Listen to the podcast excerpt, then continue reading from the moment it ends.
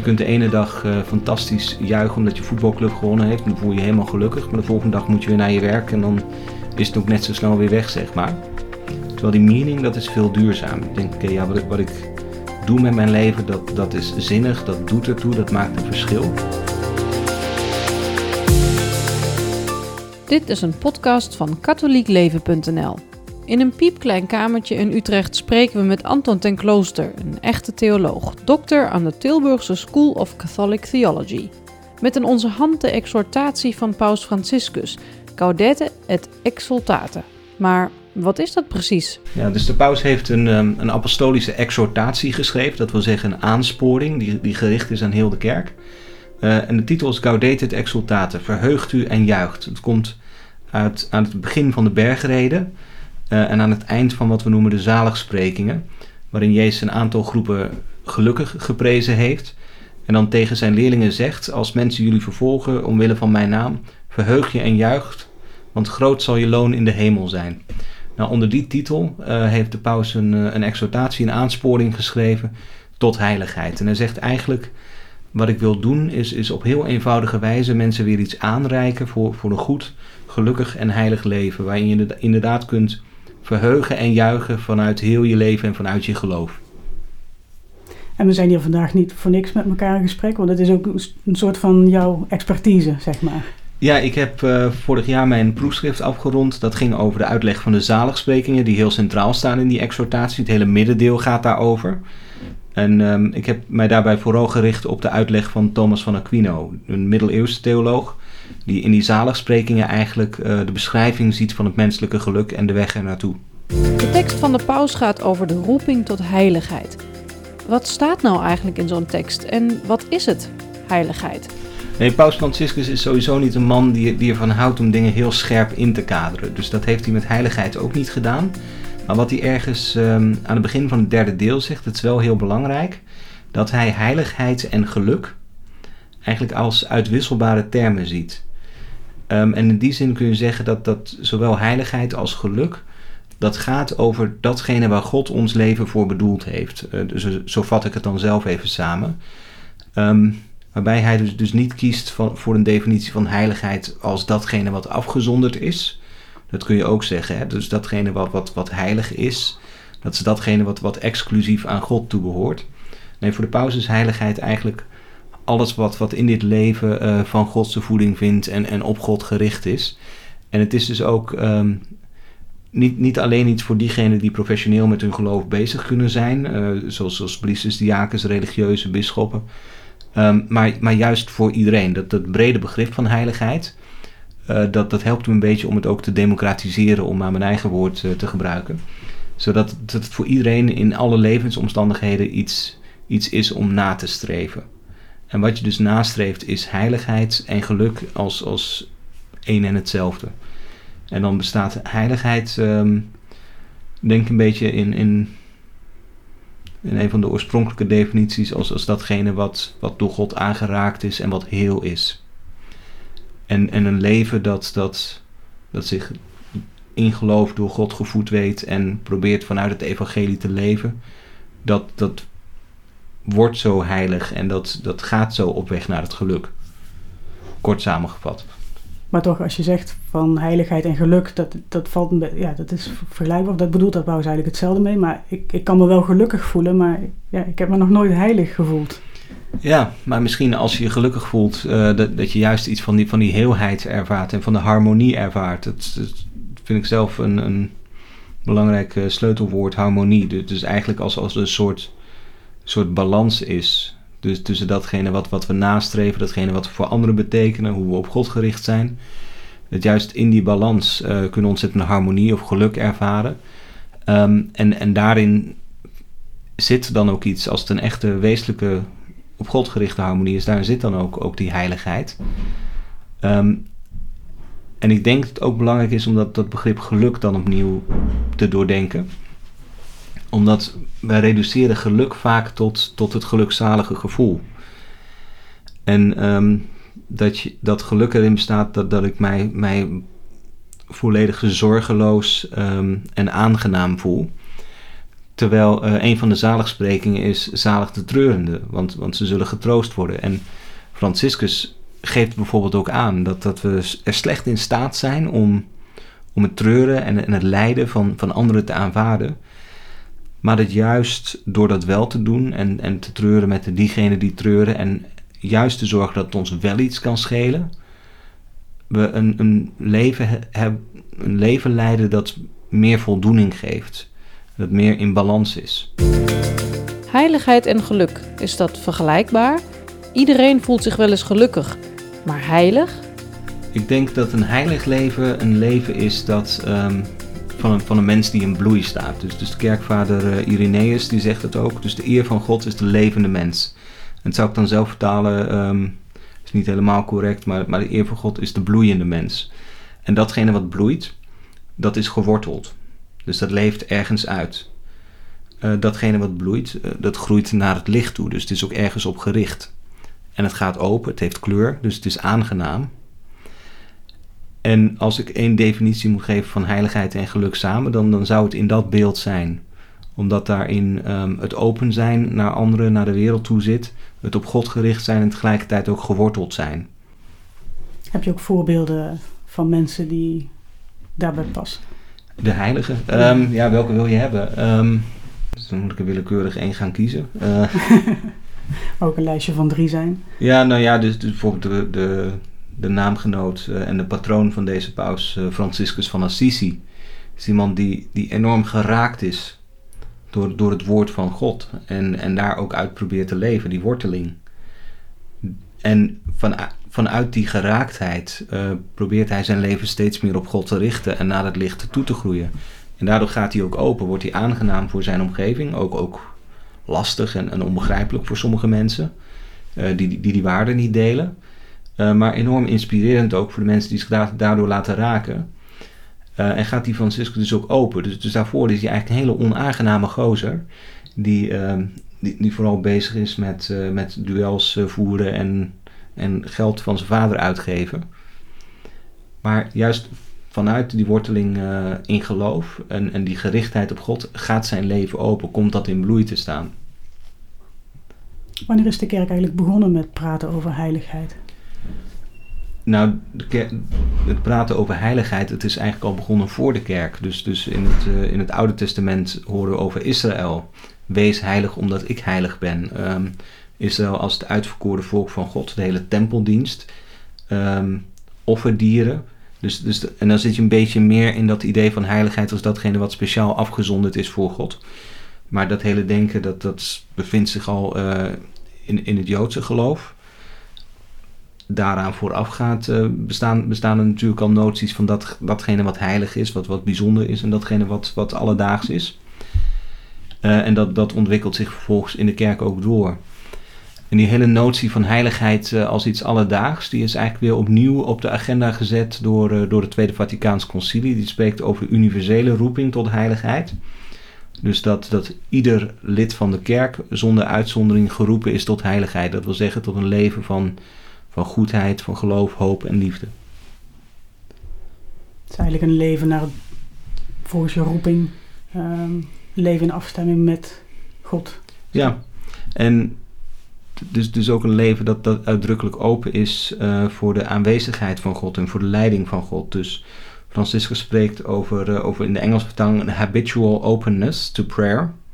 Dus een soort, ja, dus gewoonte is niet helemaal een goede vertaling, maar dat als het ware tweede natuur is voor je om steeds, steeds de verbinding met God te zoeken.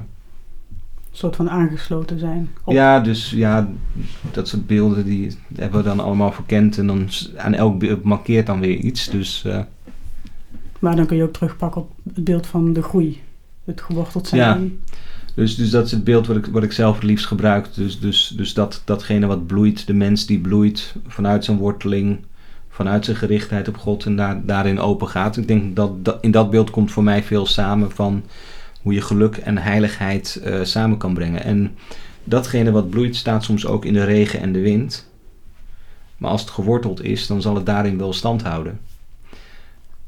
En ook, ook wij kunnen gelukkig zijn um, in omstandigheden die niet ideaal zijn. Um, is een heel interessant onderscheid van een, um, van een Canadese-Iraanse onderzoeker, uh, Emily F. Sahani Smith. Die heeft eigenlijk een, een, boek geschreven, The Power of Meaning. En daarin onderscheidt zij tussen um, happiness en meaning. En happiness, dat, dat is wat wij vaak dat gevoel hebben, wat, dat, wat wij vaak als geluk uh, aanduiden. Terwijl meaning, dat gaat over dingen die zin hebben. Dus, dus waar je misschien niet meteen gelukkig van, wordt. Dus, dus ouders worden er niet gelukkig van om drie uur s'nachts uh, met een huilende baby te staan. Maar dat geeft hun leven wel zin. En, en haar stelling is dat, dat die notie van zin is veel duurzamer dan het gevoel van geluk. Dus dat, dat is zo vluchtig als zijn kan. Dus je kunt, um, je kunt de ene dag uh, fantastisch juichen omdat je voetbalclub gewonnen heeft. En dan voel je je helemaal gelukkig. Maar de volgende dag moet je weer naar je werk en dan is het ook net zo snel weer weg, zeg maar. Terwijl die meaning, dat is veel duurzaam. Ik denk, oké, ja, wat ik doe met mijn leven, dat, dat is zinnig, dat doet ertoe, dat maakt een verschil.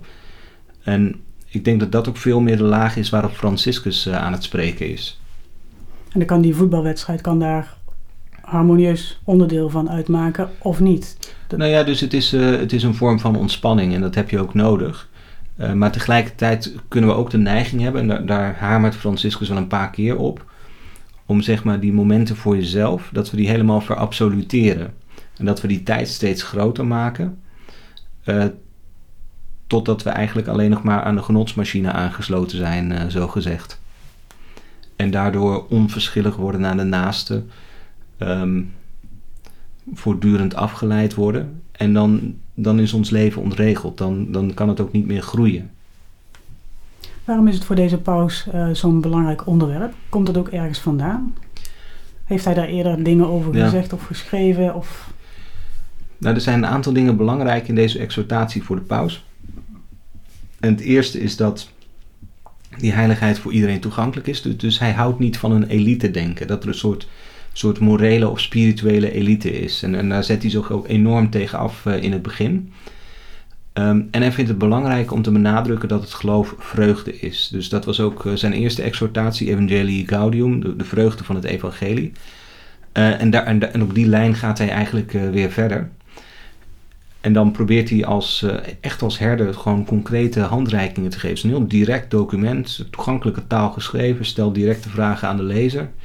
En aan het eind zegt hij, ja, en het zal ook allemaal niet makkelijk zijn. En je moet ook, ook onderscheiden en, en, en ontdekken. Maar hij wil, zeg maar, handvatten aanreiken om die heiligheid, geluk, bloei, concreet uh, werkbaar te maken voor mensen. Zonder het idee dat we dat dan helemaal zelf kunnen maken. Het is uiteindelijk ook afhankelijk van God. En in die zin onderscheidt het zich ook van de stapels en stapels geluksliteratuur die je dan, dan overal kunt kopen. Omdat veel van, en dat, dat noemt hij ook ergens, die zelfhulpcultuur. Omdat veel van die boeken die gaan ervan uit dat geluk iets is dat, dat wij kunnen maken. En dat, dat, dat we louter door, door onze wil daarop te richten en, en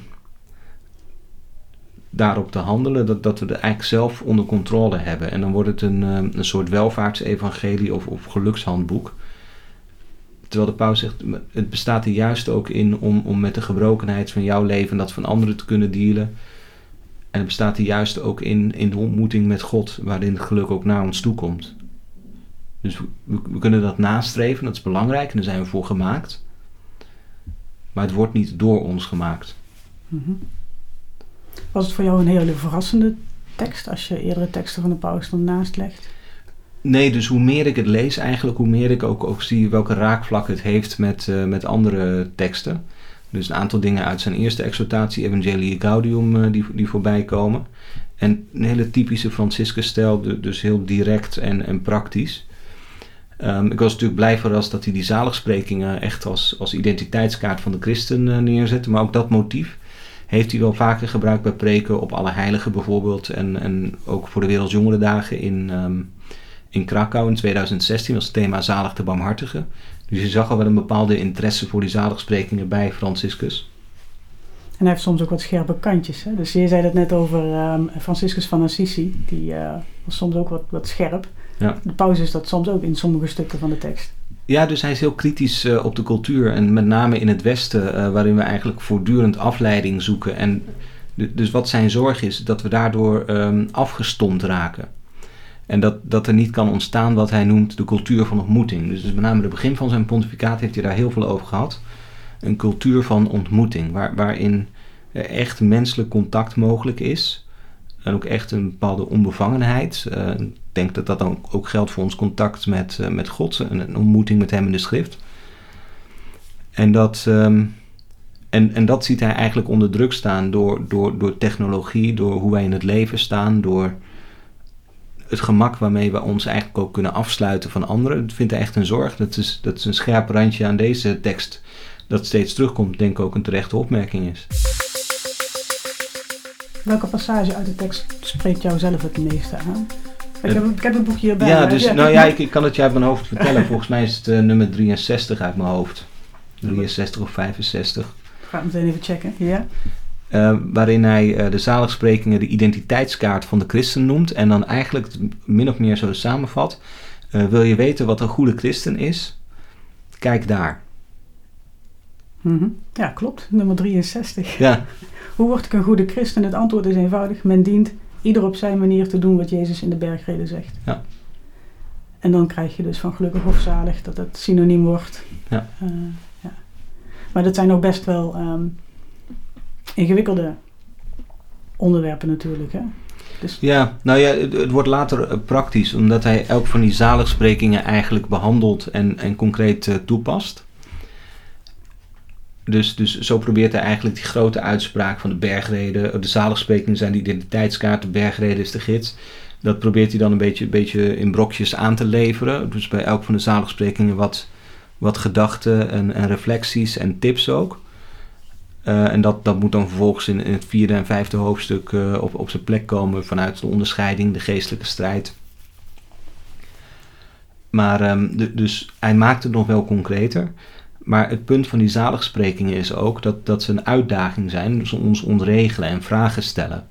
Dus het is niet iets wat je, wat je zeg maar af kan checken. Van nou ja, dat heb ik nou gedaan. Ik bedoel, daar ben steeds opnieuw mee bezig. Het blijft lastig. Wat is heiligheid? Hoe vul je het in? Hoe zou Anton ten Klooster aan iemand die niet kerkelijk is uitleggen wat heiligheid is? Ja, dat is een belangrijk motto voor Franciscus natuurlijk. We hebben een heilig jaar van barmhartigheid gehad, dus hij spreekt daar voortdurend over. En dat benadrukt hij hier ook. Dus wij zijn met elkaar een leger van mensen dat vergeven is, dat, dat barmhartigheid ondervonden heeft. En laten we daar dan ook van, laten we vanuit die ervaring van vergeving, van barmhartigheid leven en met anderen omgaan. Eentje die ik dan weer, wat, ik blader even terug in het boekje, eentje die dan ja, wat weerbarstiger is of die ja, best ingewikkeld is, zalig de treurende, want zij Ja. zullen getroost worden. Dus als je verdrietig bent, dan voel je je niet zo, eh, niet zo goed. Ja, dus Ja. het tegenovergestelde van, van gelukkig Ja. natuurlijk. Maar dus het dus blijft dat- ingewikkeld. eh, Maar het interessante is, dus dan gaat het weer over wat we voelen. En is geluk datgene wat we voelen? Of is het duurzamer dan dat? Du- Dus gevoel is heel vluchtig. En ik denk waar, waar Franciscus naar op zoek is, ehm, is een uitleg, een omschrijving van geluk en heiligheid die, die een bepaalde duurzaamheid in zich heeft. Omdat het ook een leven mee moet kunnen. Hè? Dus, dus ik kan niet een leven teren op een gevoel dat ik zelf opwek. Maar ik kan juist mijn leven ook, ook zinnig invullen door eh, te treuren met de treurende. En dan, ehm, dan benoemt hij dan ook heel aardig. ehm, dus de wereld houdt ons het tegengestelde voor. Vertier, genot, afleiding, verstrooiing. En zegt tegen ons dat dat is wat het leven mooi maakt. De wereldsgezinte negeert, kijkt de andere kant op wanneer er problemen van ziekte of verdriet in een gezin of rondom hem heen zijn. De wereld wil niet huilen. Ze geeft de voorkeur aan verdrietige situaties te negeren, ze toe te dekken, ze te verbergen. Er wordt veel energie verbruikt om te ontsnappen uit situaties waarin het lijden zich voordoet. Ze zegt eigenlijk, ja, zo, zo komen we niet tot leven. Zo, zo, zo vervreemden we van elkaar en daar, daarin kan geen echt geluk bestaan. Dit was een podcast van katholiekleven.nl. Bedankt voor het luisteren.